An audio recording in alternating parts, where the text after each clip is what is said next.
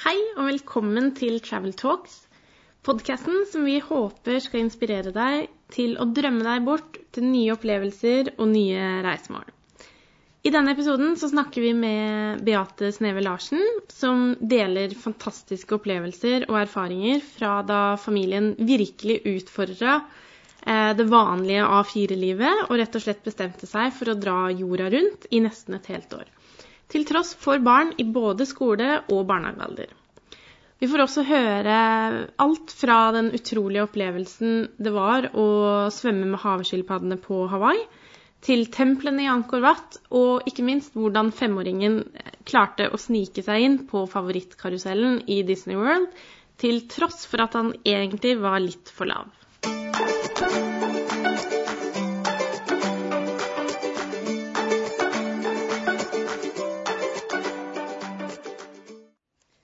I dag så snakker jeg og Kristine med Beate Sneve Larsen. Så velkommen til deg, Beate. Tusen takk. Det er veldig hyggelig at du ville være med, og vi gleder oss veldig mye til denne episoden her. Ehm, for du gjorde noe ganske, ja, noe ganske utradisjonelt, kan man vel kanskje si. Du tok rett og slett med deg hele familien på jorda rundt-reise eh, i det som etter planen skulle være ett år. Stemmer det? Ja, Ja. stemmer det. Eller elleve måneder skulle vi vel egentlig være borte. Elleve måneder. Ja. Ja. Men eh, vi vi skal selvfølgelig høre masse om den turen her. Men før vi går inn på selve turen, så vil jeg bare dra oss bitte litt tilbake. Fordi hvem, hvem er du? Hvem er Beate? Hvem er dere som familie? Og eh, kanskje, kanskje du bare kan fortelle litt om det? For i utgangspunktet er dere vel en ganske sånn vanlig, gjennomsnittlig familie? Det er helt rett. Ja. Eh, det er, vi er rett og slett bare en eh, helt vanlig familie som Ja. består av eh, pappa, mamma og to gutter på fem og ni år. Ja. Vi reiste av gårde med en, en femåring da Han hadde akkurat fylt fem år. Og Sverre, som eldst, han var åtte år når vi reiste. Ja. Men mens andre kanskje mer sånn opptatt av hytte og andre typer fritidsaktiviteter, så er jo på en måte vår store lidenskap å reise og oppdage verden. Så det er vel der vi er litt forskjellige fra alle andre. ja. Um, Så det å reise har på en måte bestandig vært en interesse og en hobby, egentlig. Mm. Jeg har ikke jeg har prøvd meg på noen sånn strikke- og hekleprosjekter og sånt. Det har aldri gått. Men det å reise, det, det går bestandig. ja. Så, eh, så der er liksom oss. Eh, Vi var begge to i jobb, eh, helt vanlig jobb. Eh, Jeg jobba frilans som journalist og produsent. OK. Um, så der er det selvfølgelig kanskje litt mer eh, uvanlig med at jeg hadde en mer fritt yrke der enn at man hadde to eh, jobber der man var ansatt. Det er vel det eneste, da. Mm. Men ellers så er vi en helt vanlig familie der én gutt gikk i barnehagen og én på skolen. Og hverdagslivet var helt A4 som i enhver familie. Ja. Men hvor, hvor kom da Altså, hvordan kom dere på Altså, du sier jo at dere er, har alltid vært glad i å reise, da. Men, men hvor, hvor og hvordan kom den ideen her? Altså, hva eh, Hvem fant på at Du, skal vi bare dra jorda rundt, egentlig? Eh, Ja, det er jo rett og slett sånn at eh, altså vi har bestandig vært interessert i å reise. Mm. jeg leste rett og slett en bok når jeg var barn eh, som gikk på Den het 'Jorda rundt med Elisabeth og Martin'. Okay, ja. eh, og det ble min sånn inspirasjon til at eh, jeg ble interessert i eh, andre land og sånne ting. da. ok. Og når jeg gikk på eh, ungdomsskolen, så ble jeg enig med foreldrene mine at eh, når jeg var ferdig med videregående, så skulle vi ta og reise jorda rundt. Okay. Um, I mellomtida så dro jeg til Frankrike og tok videregående der, så det tok et år ekstra. Mm. Eh, men når jeg var 20 år da, så reiste jeg jorda rundt med mine foreldre, som vi hadde planlagt. Oi, så kult. Så det er da noen og tyve år siden nå. Det var i 98-99. Eh, og eh, mannen min, eh, han har tilfeldigvis gjort eh, det samme, da, men ikke med sine foreldre. Men har reist jorda rundt med en kompis eh, i 99. Okay. Så, eh, og reist masse rundt i Afrika og sånt. òg. så vi, uten at vi visste det når vi møttes eh, en dag i Oslo, når vi på å ble et par for mange år siden nå, mm. så, så visste vi lite da at vi begge to hadde en så stor reiseinteresse, begge to, da. Men, eh, så det var tilfeldig, og det var jo veldig bra, da. Så eh, det er klart, da har du et eh, Har vi her da mor og far som er veldig interessert og har reist mye fra Ja. før. Ja. Så for oss så har det bestandig vært en ting vi har drømt om å gjøre mer av. For reise er jo Du kan bygge ut huset større og større, men du kan også reise mer og mer. Mm. Ja. Så, så det blir liksom aldri sånn ferdig reist, for å si det sånn. Nei. Så eh, at foreldrene dine faktisk var med på hele den reisen da du var yngre også. Det er ikke alle familier som faktisk får den sjansen til å reise sammen jorda rundt. Det er jo helt, helt fantastisk. Ja, så da husker jeg jo det at det var veldig rart. Folk syntes jo at jeg var veldig rar som Ja, 20-åring som reiste rundt med foreldrene mine. Men eh, vi er nå en liten sånn kjernefamilie og har bestandig vært det. Eh, Jeg har forstått at vi var ganske unike på akkurat. Men det, det må jo ha vært helt, helt fantastisk, og du sitter jo sikkert igjen med veldig mye minner fra den turen også i dag, da. Ja, det gjør vi jo. Helt Mm. klart. Eh, Og det er klart at eh, det er jo en del av motivasjonen til å reise òg. Det er jo det at man ser at det å bringe, eller tilbringe tid sammen som familie, Mm. det er eh, noe som er veldig viktig, og som gir familien veldig mye på veldig lang sikt også. Mm. Det er ikke bare noe du gjør, og så er det ferdig. Det er noe som du gjør, og så vokser du som familie. Og du, Mm. Ja. eh, du får rett og slett eh, felles minner og felles eh, hva man skal si, verdigrunnlag, og du får eh, Ja, det blir eh, man, man blir noe som man har en unik opplevelse man har gjort sammen. Det, Mm. det vil for, for alltid være en unik opplevelse på noe man har gjort Ja. sammen. Mm. Og bare tenk hvor mye barn lærer av det. Rett og slett bare så unge som dine sønner var, og faktisk Ja. dra på en reise gjennom så mange land. Det er en utrolig læringsopplevelse. Mm. Ja.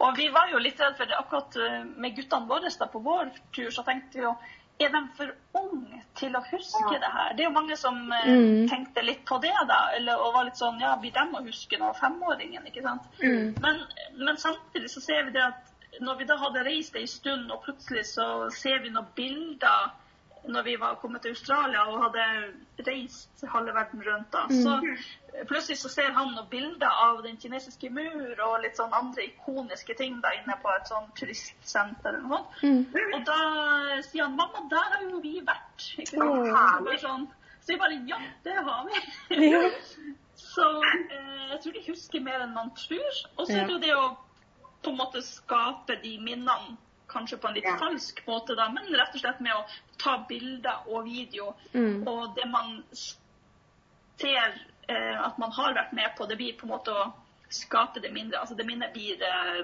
sterkere da uansett. Selv om man kanskje ikke egentlig husker selveste minnet, så husker man bildene fra det man gjorde når man var små. Ja. Så, Mm. så husker man det likevel, på en måte. Mm. Så Men når man har en så stor reise foran seg og skal pakke kofferten med en hel familie og dra verden rundt, hvordan starter man egentlig med selve planlegginga? Hva er det første steget? Altså, det er utrolig mye planlegging som ligger foran deg når du har bestemt deg for å faktisk dra på en sånn tur.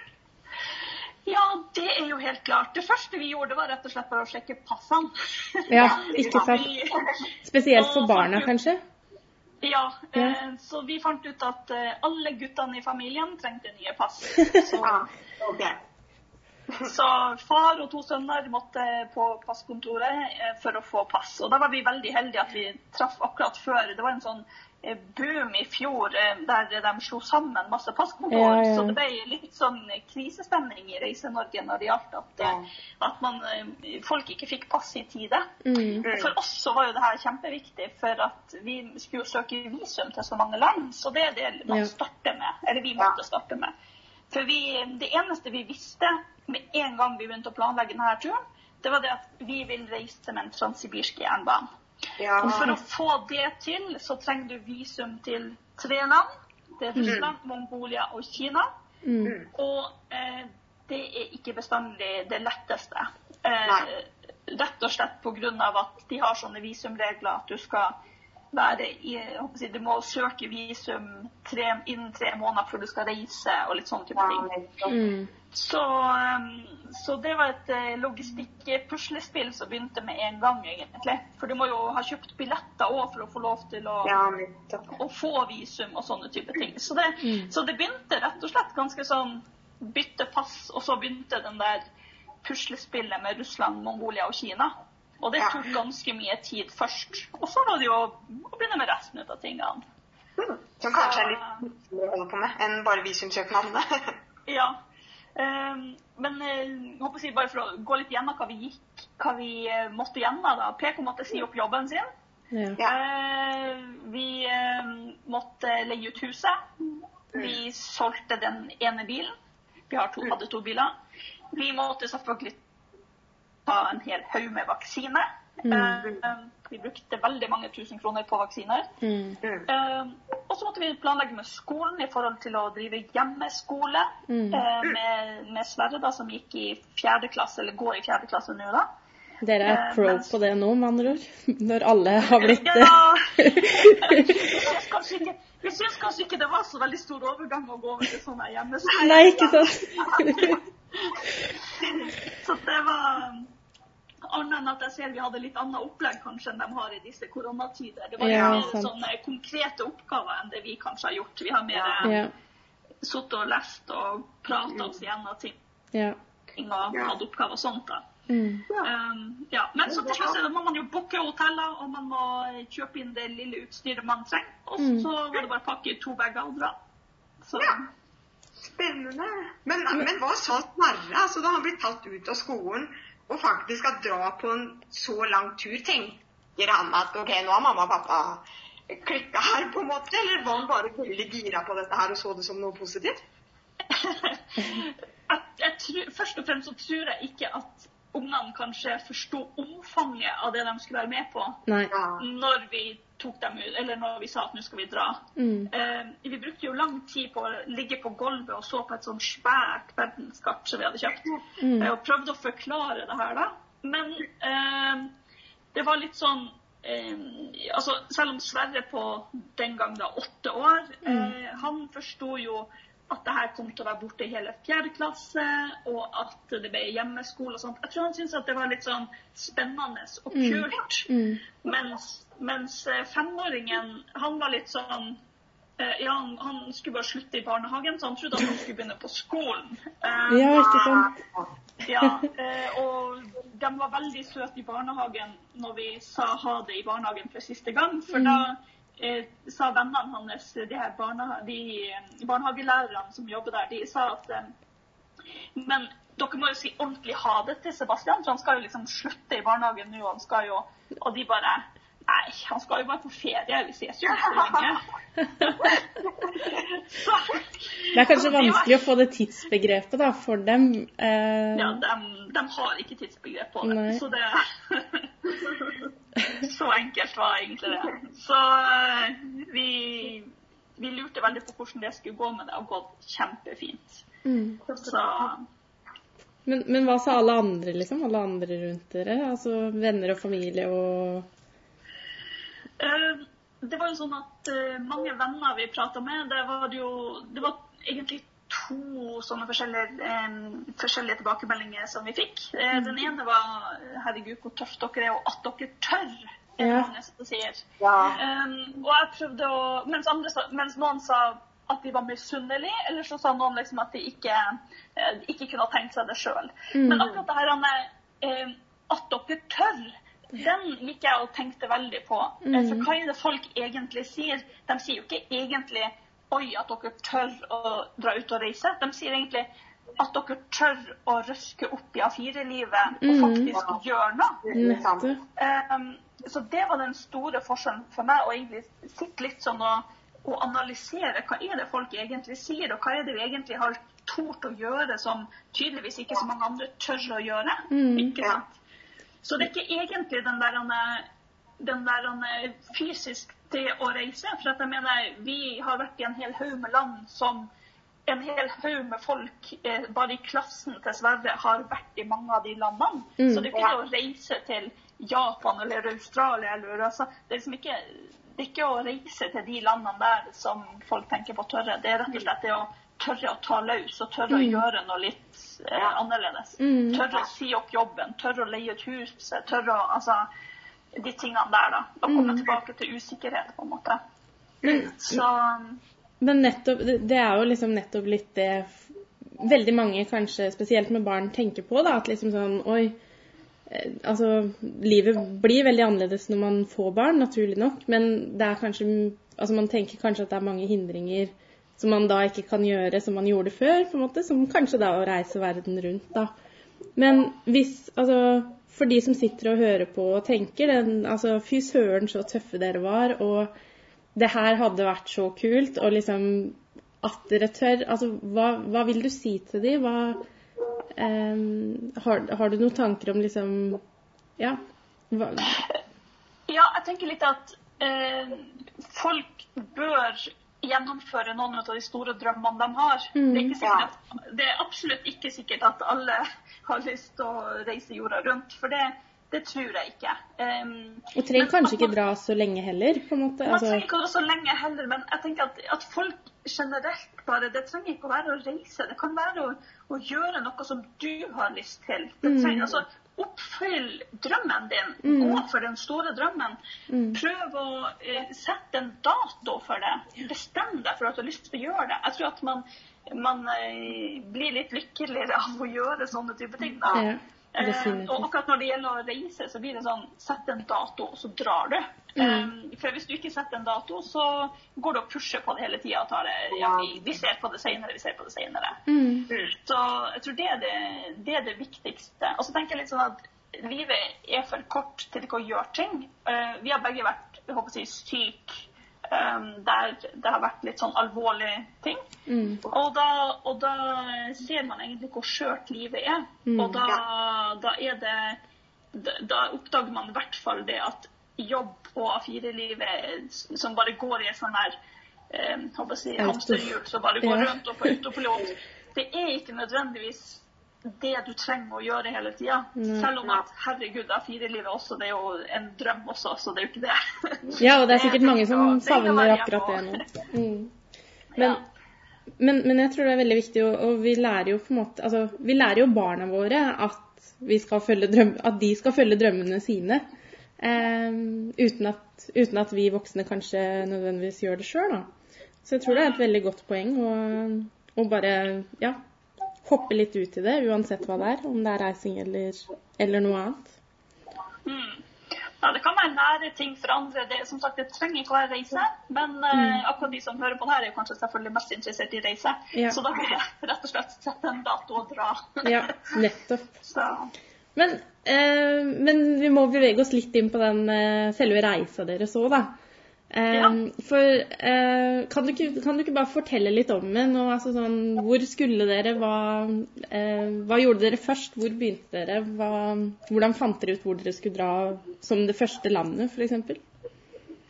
Ja, eh, altså den transsibirske jernbanen, Ja, det var den, ja. eller den transmongolian, for å være helt korrekt da, det var vel det som lå helt klart at det skulle vi gjøre. Mm. Det var rett, Fortell en liten episode fra det. da. For, yeah. Rett og slett for eh, når vi var ute og reiste første gang for over 20 år siden, så når jeg og foreldrene mine kom til eh, Beijing, så var vi sånn eh, Vi hadde ingen guidebøker, vi hadde ikke planlagt noen ting. Vi Mm. ramla liksom bare ned i Beijing og var litt sånn her Oi, shit, hvor er vi? Og vi Ja. hadde ikke oppdaga Lonely Planet, og internett fantes nesten ikke. Mm. Um, så da, eh, da traff vi bl.a. en amerikaner eh, som okay. viste oss litt rundt. Da, så vi var veldig glad for det. da. Men eh, han sier også at ja, dere kommer fra Norge, ja da har dere vel tatt den transsibirske jernbanen? Og da svarer vi sånn hæ? så eh, etter det så Og da ble vi lett, rett og slett litt sånn flau over at vi ikke hadde Vi hadde vel knapt hørt om den transsibirske. Og vi, vi eh, hadde ikke, i hvert fall ikke tenkt tanken på at man tar tog til Kina. Nei, ikke sant? Så etter det så hadde jeg tenkt liksom at det må jo være en grusomt kjedelig tur å ta. Liksom en hel uke med bare tundra og ingenting å se på og sånt. Så jeg hadde egentlig tenkt at det her skulle være en sånn ekteskapstest. da, Så jeg bestandig gått og at eh, Så jeg bestandig gått liksom sagt at ja, men eh, den transsibirske, den skal, den skal eh, jeg ta med min eh, forlovede før vi gifter oss. For holder du på, holder du på transsibirske, så, så eh, går det bra, på en måte. da. Men eh, nå ble det jo ikke sånn da, at vi fikk gjort det før. da. Så da vi det må vi gjøre nå, da. Så eh, vi flirer litt, og alle bare dere er gale som tar med dere ungene på en, en eh, så lang togtur. Og når vi først skulle på en måte ta tog fra Moskva til Beijing, så fant vi ut ja, men hadde det ikke vært gøy da om vi bare satte oss på toget på Oslo S? ikke sant? Ja. Så da ble jo den ideen til da at vet du hva, vi reiser hele veien. ja. Um, så da ble det til at uh, den landruta ble lagt, ikke sant. Så dere begynte Eh, faktisk i Oslo så- med tog? Så vi begynte, vi begynte i Oslo med tog. Så vi, Ja. vi satte oss rett og slett på Oslo S og kjørte første strekket var til Stockholm. For øvrig den varmeste og verste togturen ut av alle togturene vi har tatt. Oi. Så det var helt utrolig. Ja, det var 30 grader og sol når vi forlot Oslo. Eh, 28. juli i fjor. Mm. Og eh, da var det ingen aircondition på toget, og, og ganske fullt. Så det var helt utrolig. Så vi tenkte ja, ja, det her blir en ilddåp i forhold til alle togturene vi skal ta. Ja. Så, så, så det, var, det var starten. Men eh, alle de andre togene var jo med aircondition, flotte, fine tog. Mm. Til og med hele veien så var det veldig fint. Altså. Så vi tok eh, båt over Østersjøen, og så reiste vi da videre til, til Tallinn og videre med båt til Helsinki. Og så tok vi tog da fra Helsinki via St. Petersburg og Moskva og inn til Mongolia. Um, og så til Kina. Og når vi kom til Beijing, så tenkte vi kanskje vi burde ha tatt tog videre òg, ikke sant? Er så da var det jo Så dere var ikke lei, med sånn- andre ord? Nei, vi var ikke lei. Men det her hadde vi jo bestemt på forhånd, da. Så Ja. vi tenkte da at egentlig så så vi på det å reise med tog og båt eh, jeg håper å si gjennom nesten helt til Singapore. Okay. Men eh, det fant vi rett og slett ut at eh, gikk ikke pga. visum til Kina. Eh. For der måtte du ha en flybillett ut for å få godkjent visum. Ble i hvert fall fortalt. Mm. Eh, så da ble det fly ut av Kina, og så kom på en måte Sør-Korea og Japan på lista òg, da. Men eh, da fløy vi fra Da fant vi ut at vi holder oss mest mulig på landjorda fortsatt. Fløy ut av Kina og tok landjorda med tog hele veien gjennom Sør-Korea, båt over til Japan og tog gjennom hele Japan. Så, så vi fikk kjørt litt tog. Ja. Ja, og Men, det er et miljøvennlig valg også. Var det en del av det? Altså, det er jo stor inspirasjon for oss som faktisk vil reise litt mer miljøvennlig nå. Ja, det var jo jeg håper å si veldig det. Altså, jeg kan ikke si at uh, debatten i fjor gikk jo veldig på flyskam og sånne type ting. Mm. Jeg kan, vel, jeg kan vel ikke si at jeg følte så stor flyskam fordi at vi lever såpass miljøvennlig til daglig det vi gjør. Og, uh, prøv, altså, så jeg følte ikke at, at det var det som skulle stoppe det her, da, for å si det sånn. Mm. Eh, det er så mange andre argumenter eh, på det. Mm. Men, men eh, uten, å få, uten å gå inn i det for mye, da, så var det et veldig bevisst valg at det hadde vært veldig gøy å ta mest mulig tog.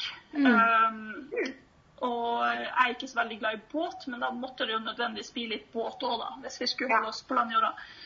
Så, um, så ja, så derfor så, så var det den første delen av ruta ble veldig sånn fort til pga. vi hadde den her um, den her transsibirske som eh, vi hadde bestemt oss for på forhånd. på en måte. Mm. Og, etter, og etter det så var det jo bare å begynne sånn ønskekonsert ikke sant, fra hele, fra hele familien. Så jeg hadde veldig lyst til å se de terrakottakrigene i Xi'an i Kina. Mhm. Um, så da måtte jo det inn på lista. Og Angkor Wat i Siam Reap i Kambodsja. Um, det var noe jeg hadde lest om og hadde eksamen i faktisk i Frankrike, i fransk. Så hadde jeg lest ei sånn, sånn fransk eh, bok om det her. Men hvordan var det i virkeligheten? Jeg har ikke vært der selv. I Angkor. Angkor Og det var helt, um, helt Altså, det var helt fantastisk å oppleve den tempelbyen, og det var helt fantastisk å eh, på en måte endelig komme dit. Så jeg tror for meg ble det en sånn der ekstra Jeg er ikke spirituell, men da ble det en sånn der eh, wow. Ja. For det er så svært, og det er så spektakulært at eh, hadde man hatt bare en bitte liten steinbit ut av det der eh, i Norge, så hadde jo det vært en stor turistattraksjon. Men der er det bare sånn her Du kjører bare forbi masse svære tempel og tenker nei, nei, det der er ikke stort nok. Jeg skal se det som er enda mer spektakulært. så det er litt sånn eh, Og det Ungene syns jo det her, det her er en perfekt destinasjon for barn. fordi at for dem å se at jungelen har tatt over de her eh, fine templene som står der, Mm. eh, de syns jo det var kjempespennende. Ja, ikke sant. At trærne bare har vokst gjennom hus og alt mulig sånne type ting. da. Så eh, det er virkelig en bra destinasjon når, når det gjelder akkurat det. Men vi kan komme tilbake til akkurat det, for det er jo noen ting der som ikke er bra også når det gjelder dyrevern f.eks. og sånne type ting. Ja. Men, men, eh, men eh, ellers så andre ting, Bare for å si hva andre ting på lista, så er det liksom Ja. Singapore det er en plass som eh, vi veldig hadde lyst til. Mm. Med Gardens by the Bay, og der har du jo mer eh, der du har det gamle på en måte i Angkor Wat, så har du det ultramoderne i Singapore. Ja. Ja, definitivt. Ja, og det samme gjelder Sør-Korea. Også ultramoderne i forhold til robotteknologi og den popkulturen som er der. Så der hadde vi veldig lyst til å dra. Rett og slett Vi trodde ungene kom til å like det veldig godt. At det var appellerte til barn, rett og slett. Mm. ja da? Ja, de fikk oppleve det? Ja, eh, vi ble jo møtt av en robot på flyplassen, så da var jo eh, Det syntes de jo var veldig, veldig gøy. Mm. Eh, men eh, vi hadde håp om å få på en sånn e-sportturnering. Hvis dere vet hva det er. OK, hva er, det tror jeg du må forklare. Ja, det er rett og slett sånn at de, de sitter i en svær idrettshall der du sitter som er publikummer og ser opp på scenen, og så har de show der de rett og slett sitter i sånn forskjellige eh, hva man skal si, sånne internettspill, eller altså her. OK. Eh, og jeg vet ikke alle de her heter, for det er det sønnen min som vet. Eh, Ja. Kommer nok til å se alle de her, men jeg hadde håpet at det skulle være noe som var greit. Eh, og så, kan, så sitter de og heier på hvert sitt lag, som om at eh, som om at du sitter på en basketballkamp eller fotballkamp. Ok, Så det er videospill, på en måte? Altså Det er videospill, men, men som om at du sitter på en eh, NBA-kamp i, Yes. i, uh, i USA, altså. Men, men ser dere spillet på skjerm da, eller ser dere på en måte bare de som spiller, holdt jeg på å si? Nei, du, da ser du liksom både de som spiller, så har du skjermen bak. Ah, okay. Jeg har ikke vært. På det her. Jeg hadde, bare, jeg hadde bare funnet ut at det her hadde vi veldig lyst til å gjøre, men vi kom oss aldri på det, altså. Så der, der hadde vi researcha skikkelig mye, og så gikk det ikke. Det passa ikke med noen datoer, så det var skikkelig synd. Men det var planen for, Sør- for Sør-Korea. Ja, ja, det da. Men dere fikk jo veldig mye Eller det høres ut som dere har hatt veldig mye kontraster på måte på turen. Altså både ja, i alle, alle varianter. Hvordan, hvordan takla barna det, holdt jeg på å si? Nei, jeg tror Det var veldig viktig eh, å forklare det. Altså Når man er fa- familie på tur, så må du også på en måte eh, involvere ungene i planlegginga. Ja. For det er klart at, det er klart at eh, best med at jeg syns det var gøy i Angkor Wat, Mm. eh, særlig jeg da var veldig interessert i de her gamle tempelruinene, Mm. så ble det sånn at jeg kjøpte tredagerspass til å gå og se på de tempelruinene, Ja. for du måtte ha sånn inngangsbrett. Mm. Mens, mens eh, far og barn eh, bada heller da den ene dagen, mens jeg var der. Ja, ikke sant? Eh, sånn at, at de fikk én dag, og det var evig nok, for det var så varmt også. Det var så utrolig varmt.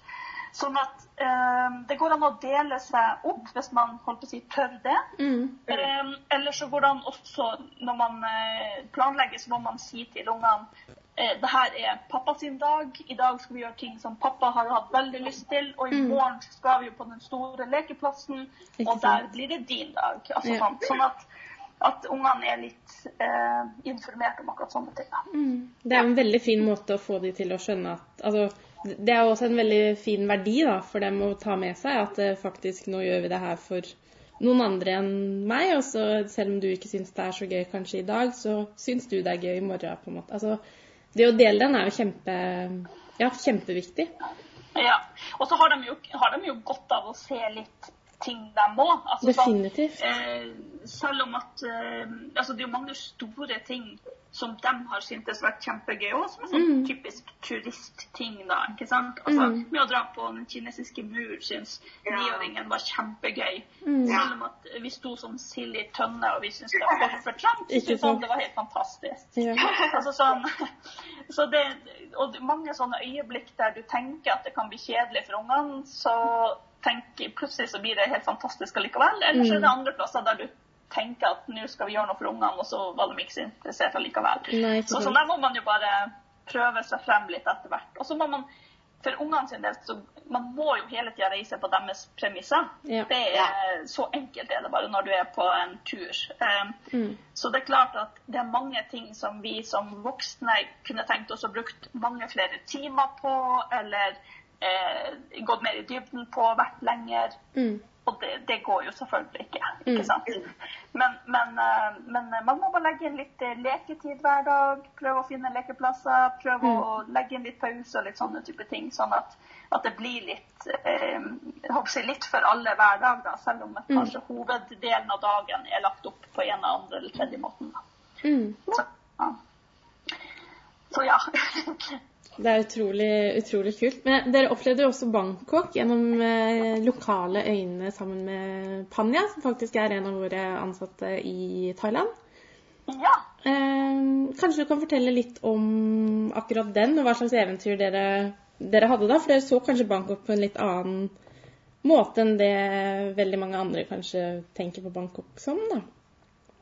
Ja, det var eh, veldig, veldig OK.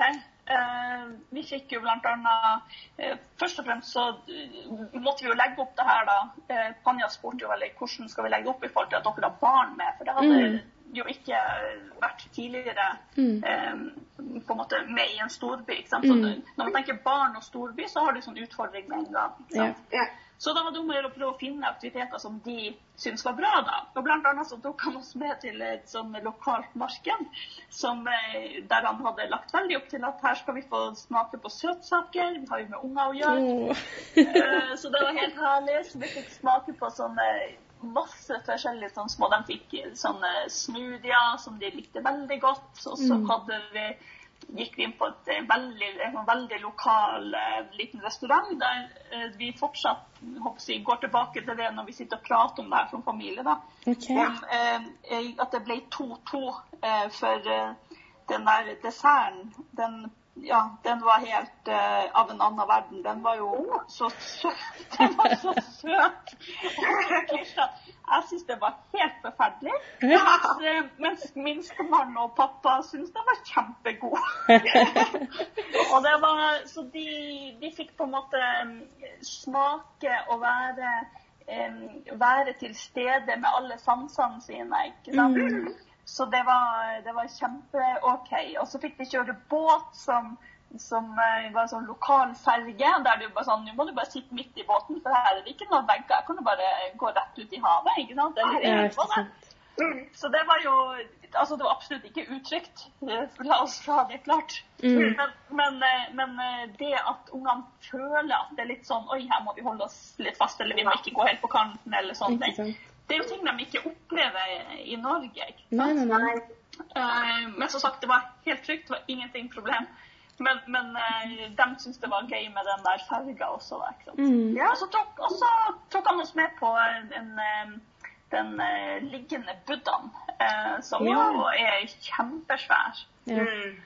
Og der Vanligvis når man går inn på sånne plasser, så vil man jo Særlig nå når vi, når vi da reiser med ungene, ikke sant, så er det ikke bestandig at vi hva kan man skal si, går så veldig i dybden på alt. Mm. Fordi at det tar for lang tid med barn. Men nå klarte Panja da, å han eh, kom med sånne små mynter som vi skulle putte oppi noen sånne kobber, eh, Ja, ja, ja. kobberboller eller sånt. Jeg husker ikke, jeg tror det var, jeg husker ikke helt, men det var om det var 80 boller. Det var veldig mange i hvert fall bortover. Og så sier Panja da til begge guttene at nå skal dere putte én mynt i hver, og så skal dere ønske dere en ting for hver mynt dere putter oppi. Okay. Ja. Og det var jo kjempegøy. Eh, vi gikk jo videre bort, og plutselig så sier jeg hvor er Sverre? Og da har jo han- Femåringen? Nei, han niåringen. Niåringen, Ja. For da har han, eh, da har han stoppa etter eh, håper å si 15 boller eller noe sånt, og så ser jeg at det begynner å bli kø bak han, og noen går forbi, og noen liksom Så sier jeg, så sier jeg 'Hvorfor står du her?' Og han bare Jo, for Panja sa vi skulle ønske oss én ting for hver bolle. Og så sier jeg men ja, det, var det så dumt? Han bare Ja, for nå har jeg ikke flere ønsker. Nå.» Så jeg tror ikke du trenger å komme på 88 ønsker, hvis det var det som var tallet da. Eh, Jeg tror du kan ønske deg flere, altså, flere ting flere ganger, da. Ja. Så, så det er litt sånn Ja, det er jo ting, det er ting vi ikke hadde opplevd, på en måte, hadde, ikke, hadde vi ikke hatt med oss um, Tanja da, fra Ja. Travel Dates dit. Ja. Så Men eh, også klarte jo Panja å stille opp med en eh, diskobuss av dimensjoner. Så eh, det så jo faktisk eh, Det var minst det femåringen som sa du, mamma, det der er ei diskokule. Og så, eh, så måtte vi bare spørre Panja, du er ikke det der i diskokule i bussen? Og, og da måtte jo sjåføren bekrefte at jo da, det var det. Det var det. Og da, da ble det disko, så da Ja. var det jo ikke noe vei tilbake. Så, da, så vi hadde diskotur gjennom hele, hele Bangkok. Ja. Det var ikke noe problem med, med at det var langt å kjøre da, for å si det sånn. Nei, det gjorde, det gjorde ingenting. Det var bare å velge diverse Disney-sanger, og så var det full eh, pinne i bussen. Så det, så det, var, eh, det var noe som de husker, for å si det sånn. Så Ja. eh, vi har fått beskjed om at vi, de ønsker seg diskobuss her òg, men det klarer vi dessverre ikke. Det blir neste. Så, men det, det lønner seg å ha med en, en lokal uh, guide. For det er klart Mm. at um, en siste ting som veldig, var veldig OK der, som vi absolutt ikke hadde fått med oss, det er jo at vi var på en sånn eh, kokosplantasje. Altså ikke, ikke kokosplantasje, men en sånn kokos... Um, de, ja, jeg vet ikke hvordan man skal forklare det, men det var en De lagde kokossokker der. Eh, og fikk liksom kokosnøtter inn, og så lagde de kokossukker, og vi fikk vite hva ting var. Men så var vi litt for seine, da. For eh, vi hadde jo vært og fått vaksine for han femåringen. Han hadde et litt ublidt møte med ei apekatt i Kambodsja, så han måtte, Å nei. ja, så han måtte ta påfyll av rabiesvaksine. Så derfor så ble han litt seint ut fra start med Panja. Så, Mm. så da var det bare så vidt vi rakk eh, den her kokosstoppet som han hadde planlagt at vi skulle på. Men, men eh, da kom vi inn der, og eh, pga. at vi har med oss da en lokal eh, person, så eh, blir vi jo da også plutselig invitert inn til de her som har det, for de skulle jo akkurat å stenge, ikke sant. Ikke sant? Og så, og så begynner de å vise oss inne i huset, og her er kjøkkenet, og det er jo sånn der Robinson Crusoe-kjøkken ute i krongel, nesten, ikke sant. Mm. Og et soverom som er gjort, gjort om til eh, sånn tempel, for der var det besteforeldrene hadde sovet og noe sånt. Så det var, det var helt sånn der, vi bare OK, det her hadde vi jo ikke, ikke fått med oss, hadde vi ikke fått en, en lokal eh, reiseleder. Mm. Jeg visste ikke at det sånt nær Bangkok engang. Ja. Eh, unnskyld, hva sa du nå? Jeg visste faktisk ikke at det var på en måte den type ting i Bangkok engang, før eh, Panja sa det faktisk. Ja, det blir jo litt utfor Bangkok. da. Det her var eh, i nærheten av The Floating Market. Um, så man Ja. kjører jo litt ut av byen, da, på en måte.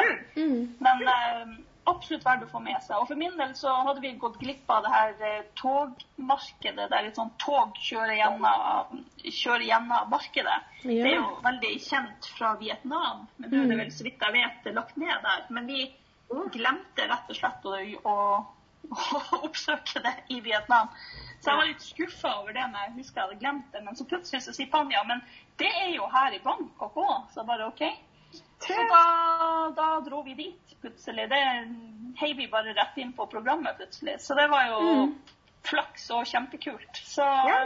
Men fortell litt om det. Hvordan, hva, hva er et uh, jernbanemarked? holdt jeg på å si? det er rett og slett at uh, de har markedsbodene sine, eller de legger jo bare ut uh, alle varene de selger. De legger de ut på uh, bakken. Ja. Eller på, selvfølgelig på noen kleder og sånne ting, altså på tøystykker og sånn. Mm. Legger de det ned på, eller har de kurver og sånt, og legger det ned helt ved siden av jernbanesporet. ikke sant? Og I Norge så har du ikke lov til å være i nærheten av et spor, og Nei, nei, nei. langt, langt mindre ha et marked Liksom. Så, eh, og med en gang toget kommer, så har de jo togtidspunkten. Så mens vi sto der og liksom Skal vi kjøpe fisk, eller skal vi kjøpe en suvenir, eller hva gjør vi? Vi skulle selvfølgelig ikke ha en fisk, men de hadde fisk. De hadde alt mulig. Så, så plutselig så ser vi bare at folk begynner å dra unna alle tingene sine. Så drar de det en meter bak. Eller noen la til og med bare liksom et sånn tøystykke over eh, frukten. Og her plutselig så kommer toget, men det går jo kjempesakte, da. Men det gikk jo sånn her at jeg tok jo i toget. Det sto gå en sånn 40 sengt fra toget, liksom. Ja. Uh, og jeg tenkte å herregud, hvor er ungene, og hvor er Altså, hvor er alt? Det, gikk jo i slow motion, men det var helt merkelig. For det var bare sånn Her kommer toget, alt blir bare dratt unna. Og med en gang toget med sine tre-fire vogner, det var ikke så veldig langt, så smokk, så var alt ute igjen. Så var det sånn Hæ? Og da var det bare business as usual, som om at ingenting hadde hendt. Og så brukte de bare togskinn til å gå på som en praktisk vei, liksom, oppi det hele. Så det var helt sånn surrealistisk, liksom. For det var sånn der Hæ? Kommer det bare et svært tog forbi? Det er helt, det- eh, ja, helt fantastisk. Jeg Så kan det tenke meg ungene anbefales og hvis man skal til Anbefales hvis man kan til Bangkok. ja. Ja. Men apropos Thailand også, da, så beskriver du jo på bloggen din eh, hvordan den tiden i Sør-Thailand faktisk var første gang du virkelig kunne ta et pust i bakken og egentlig ha litt ferie. Eh, og jeg skjønner jo virkelig at en sånn type reise kan være utrolig stressende med barn, ikke minst selvfølgelig. Men har du noen tips for å på en måte roe litt ned underveis, eller finne den roen egentlig når, når ting står på som verst? For det er jo mange vanskelige situasjoner også. Jeg, jeg tror at eh, når man er lenge på reise, så er det viktig Nå hadde jo vi begge to vært på lang reise før. Eh, Mm. Så vi vet jo at uh, etter å ha reist i tre måneder ca., eh, så har du på en måte opplevd så mye. Du har vært veldig på farten hele tida. Vi hadde jo på en måte reist ganske in intensivt, altså bytta bosted veldig ofte. Mm. reist med mye transportmiddel. Eh, du blir sliten av den forflyttinga. Mm. Ja. Eh, og av det å måtte pakke opp og ned hele tida og ja, bytte. Mm. Så Mange inntrykk. eh, ja, det er veldig mye inntrykk. Sånn at eh, du blir rett og slett litt sånn eh, trøtt av reisinga etter Mm. noen måneder. Ja. Uh, og det hadde vi på en måte forutsett, så vi visste jo det at det slår inn sånn ca. etter tre måneder. Og etter tre måneder så passer det seg veldig også fint for mine foreldre å kunne komme og møte oss. Mm. Uh, for vi hadde delt inn sånn der dere kan komme og møte oss noen plasser, så slipper vi å være borte et helt år fra dere. Ikke sant? De er veldig nær. Veldig, altså Barnebarn og besteforeldre her er veldig nær. Mm. Så eh, da passa det fint med Thailand, for dit kunne foreldrene mine gjerne kunne tenkt seg å komme og møte oss. Mm. Um, og det var også en plass der det var litt mer sånn turistifisert. Det var lett å finne et eh, fint hotell og bare med basseng og hele hopprennet. Og eh, legge seg i ro der, da. Så Mm. vi var en, en måned i, i Sør-Thailand, fordelt på to plasser. Eh, veldig nært hverandre da, men at vi var 14 dager 14 dager. Um, og så lå vi bare i ro der. Og hadde, hva man skal si, helt vanlig nesten sånn chartertur. ikke sant? Det føltes jo sånn i forhold til, i forhold til å være på resten av turen. Det i midten der. ja, altså man skal ikke Det er ikke noe feil å reise på chartertur heller, altså. Det er ikke det. Eh, så jeg syns at eh, det var veldig lurt. Det var veldig deilig for ungene å få lov til å bade hver dag. Mm. eh, hoppe i bassenget, ikke sant? gjøre morsomme ting på stranda. Litt sånne type ting. da. Mm. Så, så det, var, det var veldig OK å legge inn en sånn pause, og det tror jeg er veldig viktig at man gjør. Mm. Um, og at man også håper jeg, at man ser her blir det veldig reiseintensivt, og så Mm. legger man en pause.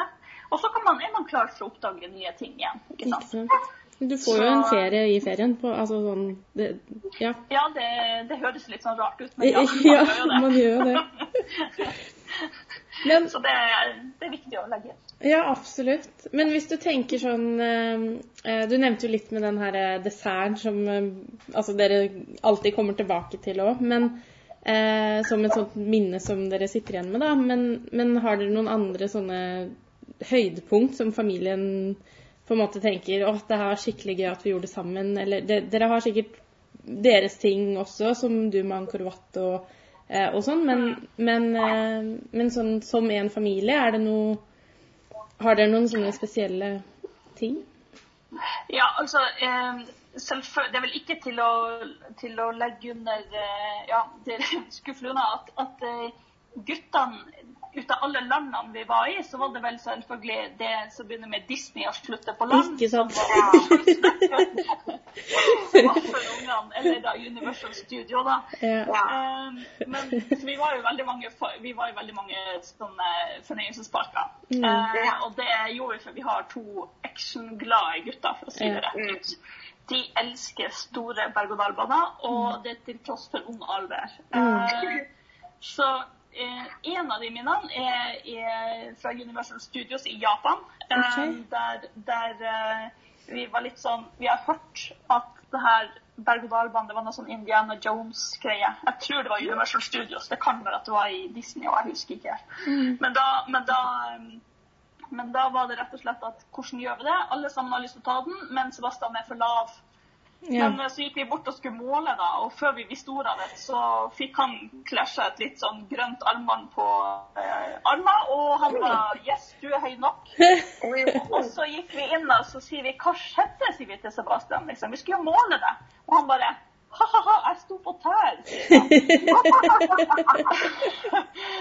så han var jo ikke helt høy nok. Men um, shit au, og vi kom oss inn der, og det var en helt fantastisk sånn er denne berg-og-dal-bane, og den snakka vi om i ettertid også. Og det at vi har på en måte en, en liten sånn rabagast som bare fant ut at han kunne stå på tær, det syns vi jo var veldig gøy, da. Så det små småting.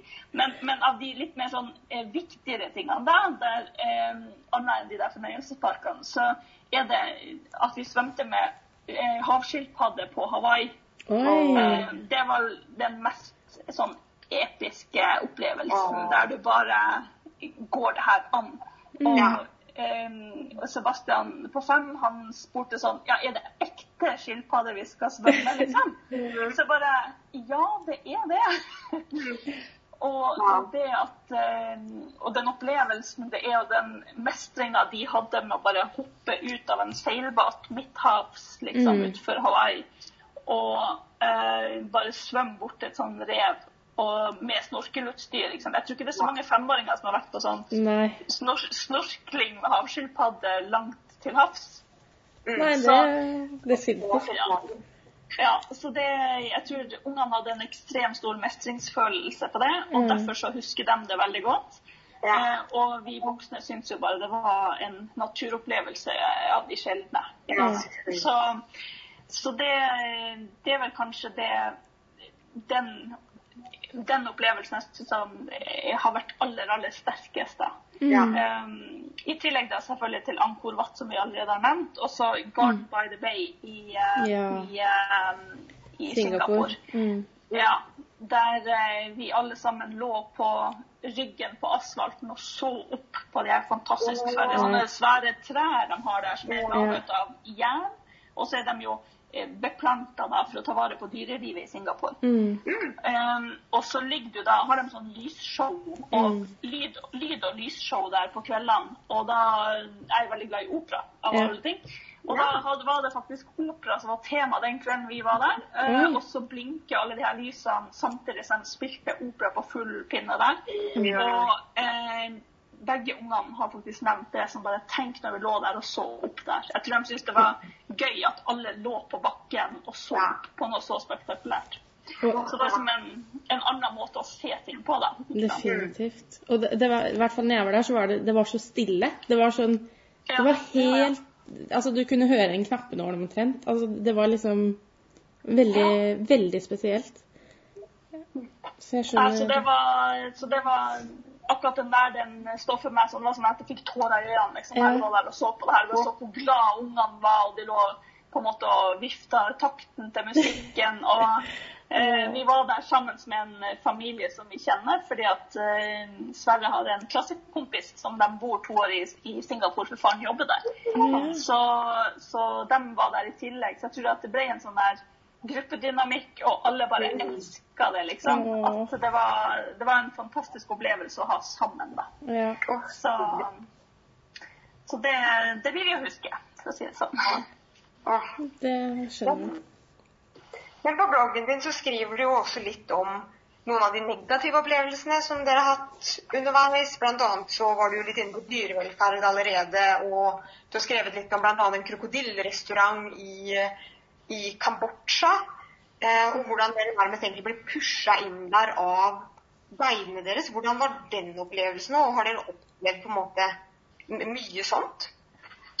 Uh, vi har ikke opplevd mye sånt. Uh, vi har de, jeg de gangene at man har sett uh, Jeg er veldig sånn imot at man bruker ville dyr til Altså i turistøyemed, da. Eh, så jeg har ikke altså, jeg håper å si alt fra elefanter til at når de kommer med papegøyer og skal sitte oppå skuldra, eller ja, alle sånne type ting. Og det syns jeg ingenting om, og det har vi forklart ungene hele tida òg. For det er klart at ungene syns jo det virker Oi, se der, ikke sant? Ja, ikke sant? Eh, sånn at eh, det har vært liksom den der balansegangen mellom at du skal prøve å ikke ta gleden fra dem med å se nevnte dyr, men at du da også for, med en gang forklarer at ja, men det der skal ikke vi gjøre på grunn av.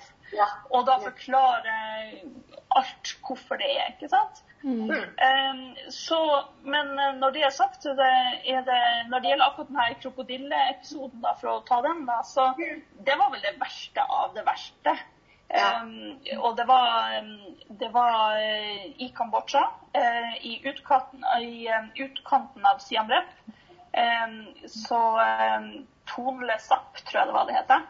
Mm. Det er en sånn, en sånn innsjø i Kambodsja som man drar til. da. Og så drar man på en sånn båttur og ser, og det, liksom, det som er morsomt der, er at du ser på sånne, en sånn eh, landsby som står på styltre når de i havet eller i vannet da, når det er, når det er regntid. Så det var jo derfor vi var der. Så det var jo grunnen til at vi tok den lille båtturen.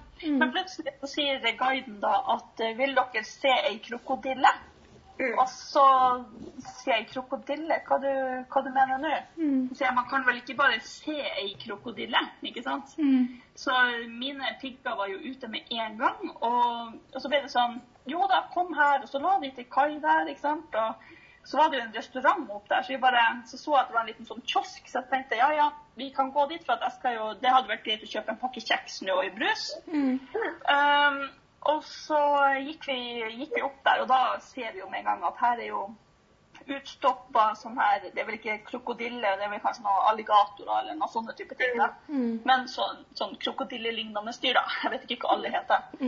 Og da og ser at hele Det var en svær butikk liksom oppå der som er bare full av det, og det så makabert ut, for å si det rett og slett, ut av utstoppa og døde dyr.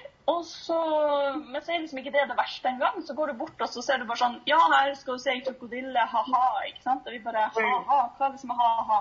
Og da lå det jo ei utstoppa død krokodille oppi vannet der. Som de eh, egentlig De bare sånn eh, Ja da, før for noen år siden så kunne du kjøpe en kylling og mate denne krokodillen. Oi. Eh, for det var liksom attraksjonen der, da. Og så var det masse sånn bilder ut av det her, da. Eh, men den er jo selvfølgelig død, den krokodilla. Jeg Bare sånn, den er jo daua ut av antageligvis ikke naturlige årsaker, for å si det sånn. Eh, og så syns jeg det her bare var ganske ille å se på. Og så sier jeg nei, nå skal vi bare dra. Og da begynner de akkurat på vei tilbake til båten. Jeg bare begynner å gå mot båten. Så sier de nei, du må se på skilpadda.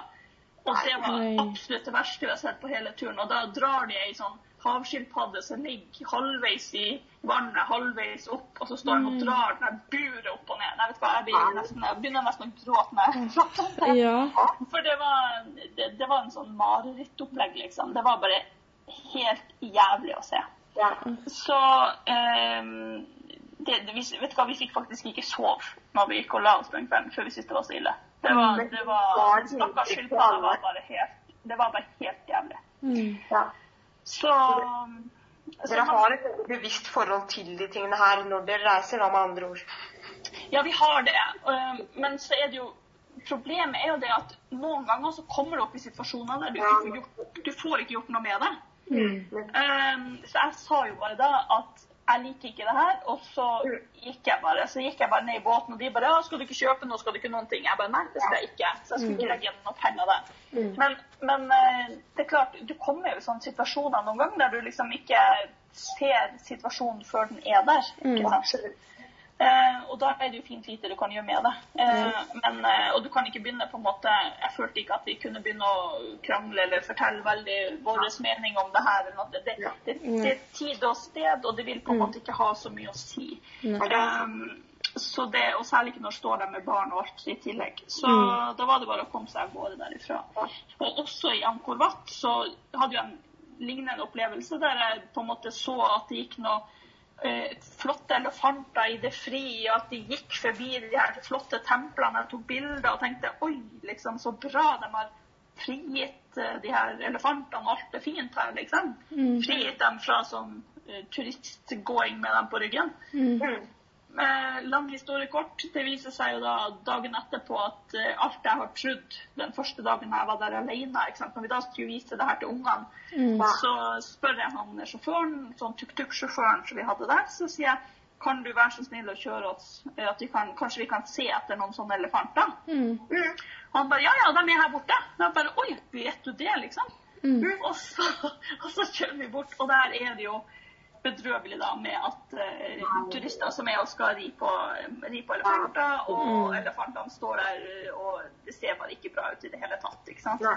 Og så kommer vi hjem, og så googler vi elefanter og Angkor Wat, og så finner vi ut at uh, det er faktisk der det har dødd elefanter for at det har vært så ille. Og at det der det her han, har kommet videre en debatt i hele verden da, egentlig om akkurat det. Så da føltes det litt sånn Oi, shit, her burde man ha gjort hjemmeleksa på forhånd. Men som sagt, det er ikke bestandig alt man får gjort på forhånd. Ja, det akkurat.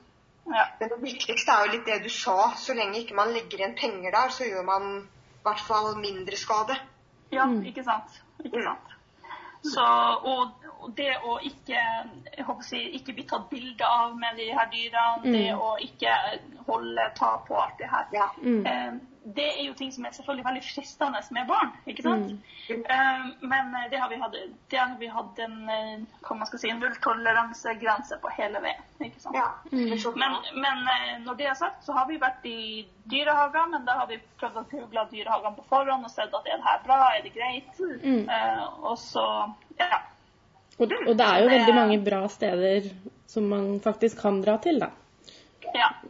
Som, ja. Så, så det har nå egentlig vært det vi har prøvd da, i hvert fall. Men uh, selvfølgelig, noen ganger trør man sikkert feil, noen ganger får man ikke til. Mm. Um, så ja. Men uh, vi føler nå at vi hadde øverst i hjernebarken hele tida. Man har tenkt på det, for jeg syns det har vært veldig viktig. da. Men samtidig så er det jo man, man får jo ikke gjort noe med at uh, måten de behandler dyr på på markeder, på altså ref det her covid-19 ikke sant, og våpenmarkedene i, Kina og sånt. Så det er klart eh, man, eh, man eh, får jo ikke gjort alt som turist, men det er jo som dere sier, da, ikke sant, å ikke legge igjen penger der, da. Så, Ja. Nettopp. Ja, i hvert fall velge de Altså, de, de stedene man velger bevisst, da, velge de, velge de veldig bevisst òg, på en måte. Og så Ja, kommer man jo selvfølgelig noen ganger i situasjoner som dere òg har gjort. Det kommer man jo ikke unna, men. Mm, Det, det er jo bare sånn det er. Men du, du har nevnt litt om det nå, kanskje da den, spesielt den krokodille- eh, og havskilpaddeturen. Men, men hva, altså, hva, hva er det du sitter igjen med som liksom sånn det, det var det beste, og det var det verste, på en måte, fra, fra hele den turen? da, Hvis det går an å oppsummere en jorda rundt-reise på, på den Ja, det spørs, det spørs bare hvordan man eh, tenker på det som er litt sånn overordna. Altså, sånn, det verste er jo når man opp, opp, eh, altså opplever sånne ting, eller, når, eller når man eh, Sykdom, ikke sant. Ja. Eh, at eh, vi har jo hatt episoder med minstemann som først ble bitt av ei ape. ikke sant? Eh, og du må på sykehus i Kambodsja, det var ikke veldig gøy. Nei. Eh, og du må på sykehus i Bangkok. Eh, det var jo selvfølgelig litt bedre, men fortsatt ikke gøy. Og i Australia der plukka han opp ei sprøyte, så vi måtte jo inn nei. på sykehuset i Australia òg, eller i Melbourne. Mm. Så det er klart, det var ikke Det er jo blant de verste opplevelsene du har som foreldre, da. Ikke Mm. sant? At det skjer noe med ungen. Mm. Heldigvis har vi ikke hatt noe Vi har ikke hatt noe eh, situasjoner der vi har følt oss trua eller usikre eller sånne type ting. da. Mm. Og så ble jo faren min veldig syk i Thailand, og han fikk denguefeber i Thailand. Mm. Så det var heller ikke sto heller ikke høyt opp på ønskelista, for å si det sånn. Så det var det var òg en, eh, en fæl opplevelse, men heldigvis gikk det jo veldig, veldig bra. da. Så, ja. så det er liksom de verste tingene. Men til å gå over på de beste tingene, Mm. så er det rett og slett mer sånn overordna, da, med at tid med ungene, felles Mm. opplevelser Mm. og følelsen av å ha gjort noe med den store drømmen. ikke sant? At man Mm. har levd livet og gjort det man har lyst til. Ja. Mm. Um, og at man har fått sett steder selvfølgelig som man har ønska veldig lenge. Mm. Så det er, sånn mer, det er mer det som er det beste med turen, mer enn akkurat én beste opplevelse, kanskje. Mm. Ikke sant? Men, men føler du at du liksom Nå nå virker det som om dere var en veldig sånn sammensveisa og bra familie før dere dro òg, men føler du at måte dere har blitt enda mer det? Eh, at dere har på en måte fått et enda tettere bånd, kanskje? Eh, jeg tror vi har fått eh, Ja, vi har fått tettere bånd, og vi, har, læ- vi sa i starten at vi lærte å kjenne ungene våre på en helt annen måte. Ja, Det er sånn, sant? du, du er aldri sammen med de 24 timer i døgnet. Ja. Eh, det er du kun når det er si, kort ferie i Norge. Mm. Uh, mens nå levde vi i lag, vi bodde Vi var i lag i, på små hotellrom hele tida. Mm. Så det er klart, på godt og vondt så lærer man hverandre å kjenne. Mm. Vi skal ikke si at ikke vi har hatt våre konflikter underveis. ikke sant? Altså det, det er klart at, eh, at eh, ungene plutselig bråker litt når vi syns de burde vært stille eller mm. sliten. Men man ser jo at som regel så er det fordi at noen har lavt blodsukker, vi er Mm. trøtt, vi er slitne.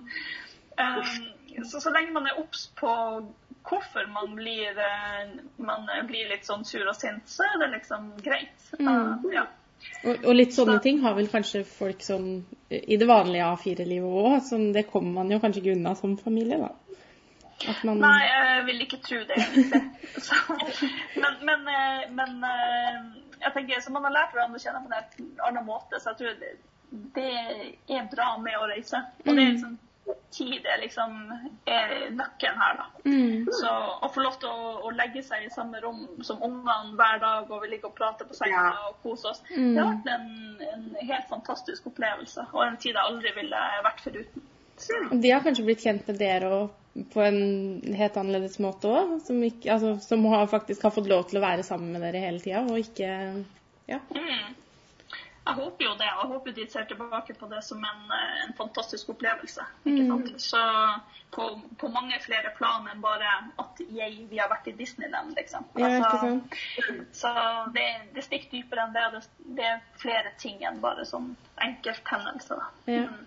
Men hvis du hadde visst alt det Altså hvi- hvis du hadde visst alt det du vet i dag, da, og på en måte visst hva dere skulle oppleve og gjennomgå og um, ja, alt det her, hadde du, hadde du pakka kofferten og gjort den samme reisa en gang til? Ja, uten tvil. Ja.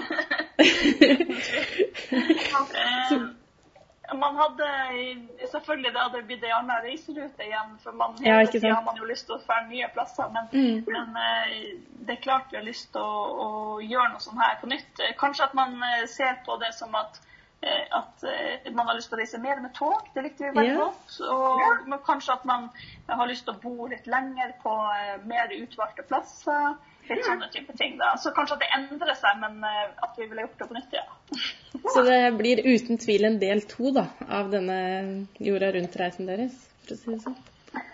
Ja. Det, Fare for det. vi spøka jo med at nå skulle vi bare Altså, nå ble jo eh, hele turen avslutta før tida. Ja. Men vi, vi Ja. tøva jo med at vi skulle bare hjemom uh, og si hei, og så skulle vi på interrail i Europa etterpå. Oi, ok. Eh, For det har vi vært når vi var på interrail i Europa når, når eh, han Sverre var to og, to og et halvt år. Ja. Så vi syns jo det Nå er kanskje Europa som står for tur, da. Ja. Neste. Ja, Så, eh, man trenger kanskje ikke å dra like langt, og vi ser at vi har det veldig fint her i Norge og i Norden og i Europa også. Så mm. Men har du noen flere tips til de som vil reise på lengre turer med barn? Nå sa du jo også nettopp at dere hadde reist med Sverre da han var to og et halvt, så dere har jo veldig mye erfaring med, med det her. Har du noen flere tips du vil dele? Ja, tips til å reise med barn. Um, det blir jo først og fremst se an sitt eget barn, ikke sant. Um, ta, altså, ta um, Legg opp turen etter ungen, rett og slett. Uh, og så ja, jeg skal, ta, jeg skal ta tenke gjennom det. Jeg kan ta dere et blogginnlegg, så får folk gå på traveltips.no, Ja. og så får de ta og få reisetipsene der. Ja, ikke sant? Da lover jeg det herved. det er en lovnad. Men, Ja. men, eh, men det koster jo en del å reise når man Altså eh, Barn får jo noe rabatt, eh, men det er jo ikke sånn veldig mye, egentlig. Eh, men hvordan, får man på en måte eh, Altså, hvordan får man økonomien til å reise på en så stor reise, da?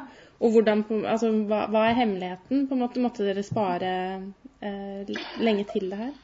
Ja, vi hadde jo spart lenge, det var nå én Mm. ting. Eh, og så hadde vi hatt litt flaks med å ha fått et par sluttpakker. Ja. Så vi var jo litt, eh, litt heldige oppi det hele. Men, men eh, det som jeg tror er viktigst å tenke på for alle, det er det at se på alle de småtingene som drar penger hver eneste dag. Mm. Um, der er det ekstremt mye å hente. Og har du noen dyre vaner? Mm. En ting er selvfølgelig altså Vi har ikke kjøpt masse dyrt sportsutstyr, vi har ikke hytte, Mm. vi har ikke kjøpt ny, ny bil hvert år. Vi har ikke altså det er ting som drar enorme summer, egentlig. Mm. Folk bruker jo eh, enorme summer bare på, bare på ski hvert år. Definitivt. Eh, det, eh, og Heisport. Heisport, for eksempel.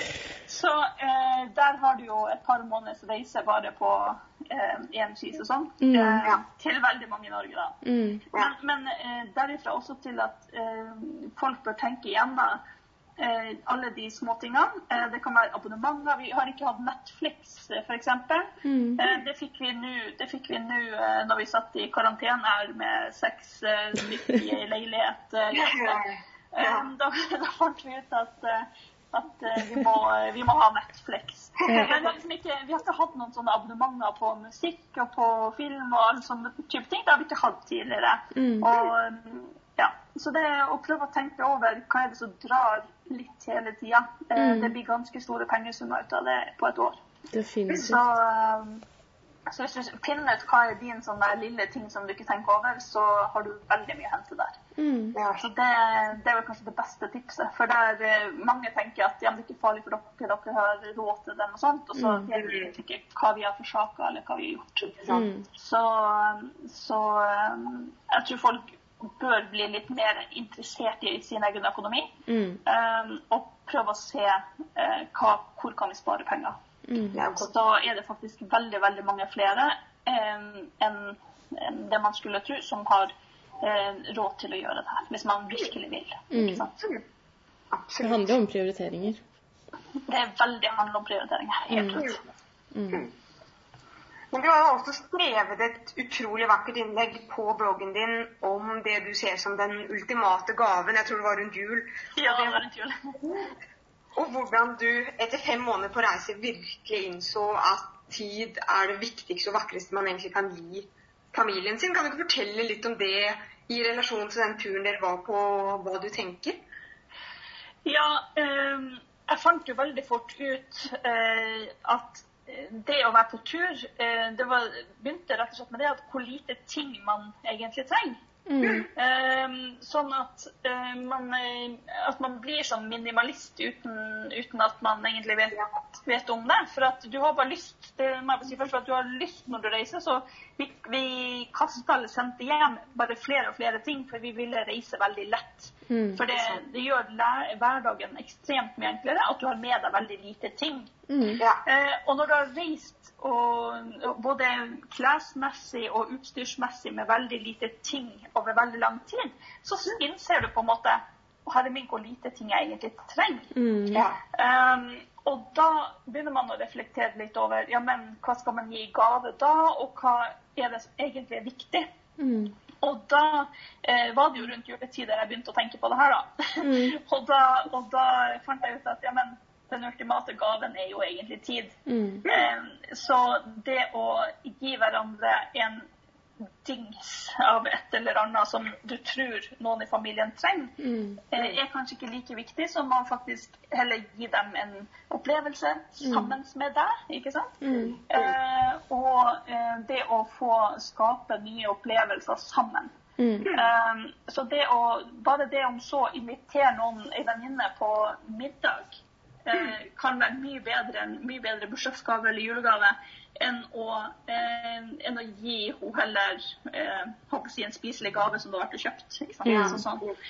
Eh, bare sånn alt av sånn kulturgaver, alt av sånne type ting, det gjør jo at man bruker mer tid sammen. Um, Ja. For det er den felles opplevelsen, og det er det du ser når du er ute og reiser, at det er den felles opplevelsen med, med de rundt deg, det er det du har lyst til å, å bruke livet ditt til og med. Da. Så, Mm. ja. Så, Det er en veldig, ja, veldig fin, eh, en veldig fin gave. ja. Definitivt. Vi, eh, vi har også tre spørsmål sånn helt til slutt som vi stiller til alle som er med i podkasten vår. Eh, og da, Den første er da hva er din favorittdestinasjon, og hvorfor? Mm. Ja, én favorittdestinasjon. sånn eh, Nei, jeg har Det er lov å nevne flere, da. Ja, nei, jeg har vært inne på det før. Eh, Jeg, må- jeg, må, jeg må si tre ting, eh, Ja. for at de er så forskjellige. Det er, har vi, vi har vært inne på alle tre før. Det er rett og slett kulturelt sett Angkor Wat. Mm. Eh, når det gjelder nymotens og det bare å bli overvelda av eh, det kule, det er Singapore med Gardens by the Bay. Ja. Eh, og alle de eh, fantastiske sånne innendørs drivhusene. Og det, du bare går rundt i en sånn eh, grønn drømmeverden, egentlig. Ja. Det var helt fantastisk. Mm. Og så er det det å svømme med havskilpadden på Hawaii. ja. Um, det, det tok bare pusten fra meg. Og jeg satt eh, senest i går og så gjennom litt video derifra som jeg skulle ligge litt til etters med den redigeringa. ja. Så eh, det får man ikke så god tid til når man er på tur. Eh, Så la oss bare se det. Tidsoptimist, det er man når man er på tur. Så, så jeg satt og så gjennom da fra Hawaii nå, og det var Det er sånn at jeg bare ser meg sjøl svømme sammen med de skilpaddene. Det er Herre min, kone vi var, liksom. Så Ja. ja. Du går Nei, rett var- tilbake i, eh, i den verden da. være rett tilbake i drømmemodus, altså. Ja. Så, eh, så det må være egentlig de, de, de tre favorittdestinasjonene. Så Mhm. Ja. Men, um, hva er ditt beste reisetips? Um, jeg har en sånn her kjepphest som jeg tror eh, min mann bruker å flire litt ut av, for at jeg sier det hver gang. Okay. Jeg sier, jeg sier at spis der alle andre spiser. Ja. Der hvor lo lokalbefolkninga spiser, Mm. eller der mange turister spiser. Mm. Um, for de har For nå kommer det ordet som da han uh, gubben flirer litt til. For at jeg bruker å si For der har de større omløpshastighet på maten. det, for det betyr altså at uh, det mest sannsynlig så vil det være friskere råvarer der. For Ja. råvarene rekker ikke å bli gammel. Nei. Så enkelt som det. Og da minsker du sjansen for å få bederva mat, og du holder deg mer frisk på Mm. tur. Så det er eh, leveregel nummer én når vi er ute. Når vi Mm. skal spise For det er klart, vi spiser jo mye ute. Vi lager jo ikke mat hjemme som regel når vi er ute på tur. Mm. Um, og da, eller i hvert fall ikke når man reiser sånn hektisk, da. Altså Mm. Hvis man ligger i ro en plass og har leiligheten og sånt, så lager vi jo mat hjemme. Men eh, når man er sånn og reiser litt mer aktivt, så, så spiser vi ute. Og da Mm. er det bare hvor er det mest folk? Mm. Så, så da har vi spist der. Og det har funka i alle år, det. Så vi har aldri blitt uh, dårlige. Vi hadde ikke noe reisemage i det hele tatt på hele turen. Så uh, vi er fornøyd med det. Det er kjempebra. Mm. Um, uh, er, det, er det noe du skulle ønske reisende gjorde mer av, og uh, eventuelt da hvorfor? Å, vanskelig spørsmål. Um, uh, nei, jeg tror at det kanskje flere Det at, at man eh, tør å være litt nysgjerrig på andre plasser. At man tør å Mm. reise litt eh, andre plasser enn der man er vant til. Mm. At man eh, tør å utfordre seg sjøl litt og være utenfor komfortsonen. Mm. Eh, tror jeg kanskje kan være eh, et svar på det. da. Det er et veldig bredt spørsmål, selvfølgelig. Um, men jeg tror at eh, hvis at jeg hadde vært en annen reisende, så tenker jeg at eh, jeg hadde håpa at man kanskje kunne utfordra seg sjøl litt og reist andre plasser. Mm. Um, for jeg tror det er litt viktig, da. Så ja. Og det så det tror jeg man også skulle ønske at flere tok litt mer aktivt valg i forhold til det med eh, at man ser på dyrevelferd, at man Ja. ser på hvordan man sjøl At man reiser litt mer etisk, da. Mm. At, eh, selv om det absolutt ikke er lett å gjøre på en så stor tur, så er det mange ganger at du ser at det gikk ikke. Mm. Eh, en, engangsplast i USA, det bare glemmer å prøve å og få til å, å kjempe mot det, f.eks. Du går rundt med Vi gikk rundt med sånne flergangssugerør der og tenkte og hadde egne matbokser til rester og alt sånt. Men det, Mm. det var liksom bare å glemme. Du blir trykt på så mye plastikk og så mye greier hele tida at, at, at du får litt sånn Du blir litt maktesløs. Mm. Men, men eh, ja. Så jeg håper at folk være også, hvis man er ute og reiser og vant til å reise, at man kan tenke litt mer etisk på veldig mange områder. Så Og, og det er jo litt sånn, vi var jo litt inne på det i stad òg, men, men altså ja, lommeboka vår er jo på en måte stemmeseddelen vår da, på vi, hva vi har lyst til å ha. Så det, ja, det å faktisk eh, eh, faktisk tenke litt igjennom hvor man legger igjen penger, eh, tror, tror jeg òg er veldig viktig. mm. Absolutt. Mm. Det, det er kjempeviktig. Og så ser man noen ganger at det går, og så ser man andre ganger at det ikke går. Ja. Eh, vi endte dessverre på veldig mange sånne fastfood-plasser i USA f.eks. pga. at det var vanskelig å finne ting til ungene og Mm. eh, hva de hadde lyst på og sånne type ting. Så noen ganger, man Mm. står jo i sånn skjæringspunkt hele tida og skal finne ut hvordan man gjør det. Men det, Mm. det er klart, eh, særlig da hvis man reiser som et par eller ensom eh, eller alene og sånne ting, så, så eh, er jo det veldig mye lettere å få til enn Ja. eh, en familie. Men eh, bare det, å, bare det å ha tenkt igjennom det, eh, gjør at man handler annerledes enn Ja. hvis man ikke gjør det. Mm. Absolutt. Så Og, og det er jo nettopp det alle Altså, ja, hvis alle, hvis alle gjør litt, så blir det faktisk ganske mye. ja, ikke sant. Mm.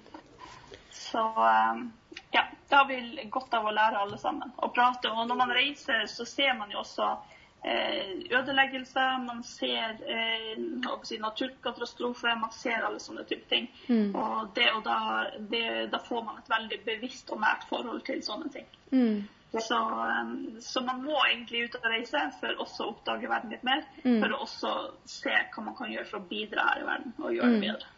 Ja, det er veldig sant. Utrolig eh, spennende å snakke med deg, Beate. Ja. Det, ja. Tusen takk. Tusen hjertelig takk for at du var med på podkasten vår. Takk sjøl, det var veldig hyggelig. Som, eh, når man er glad i å reise ute, så er man glad om i å fortelle om opplevelsene òg. Så Ja. takk.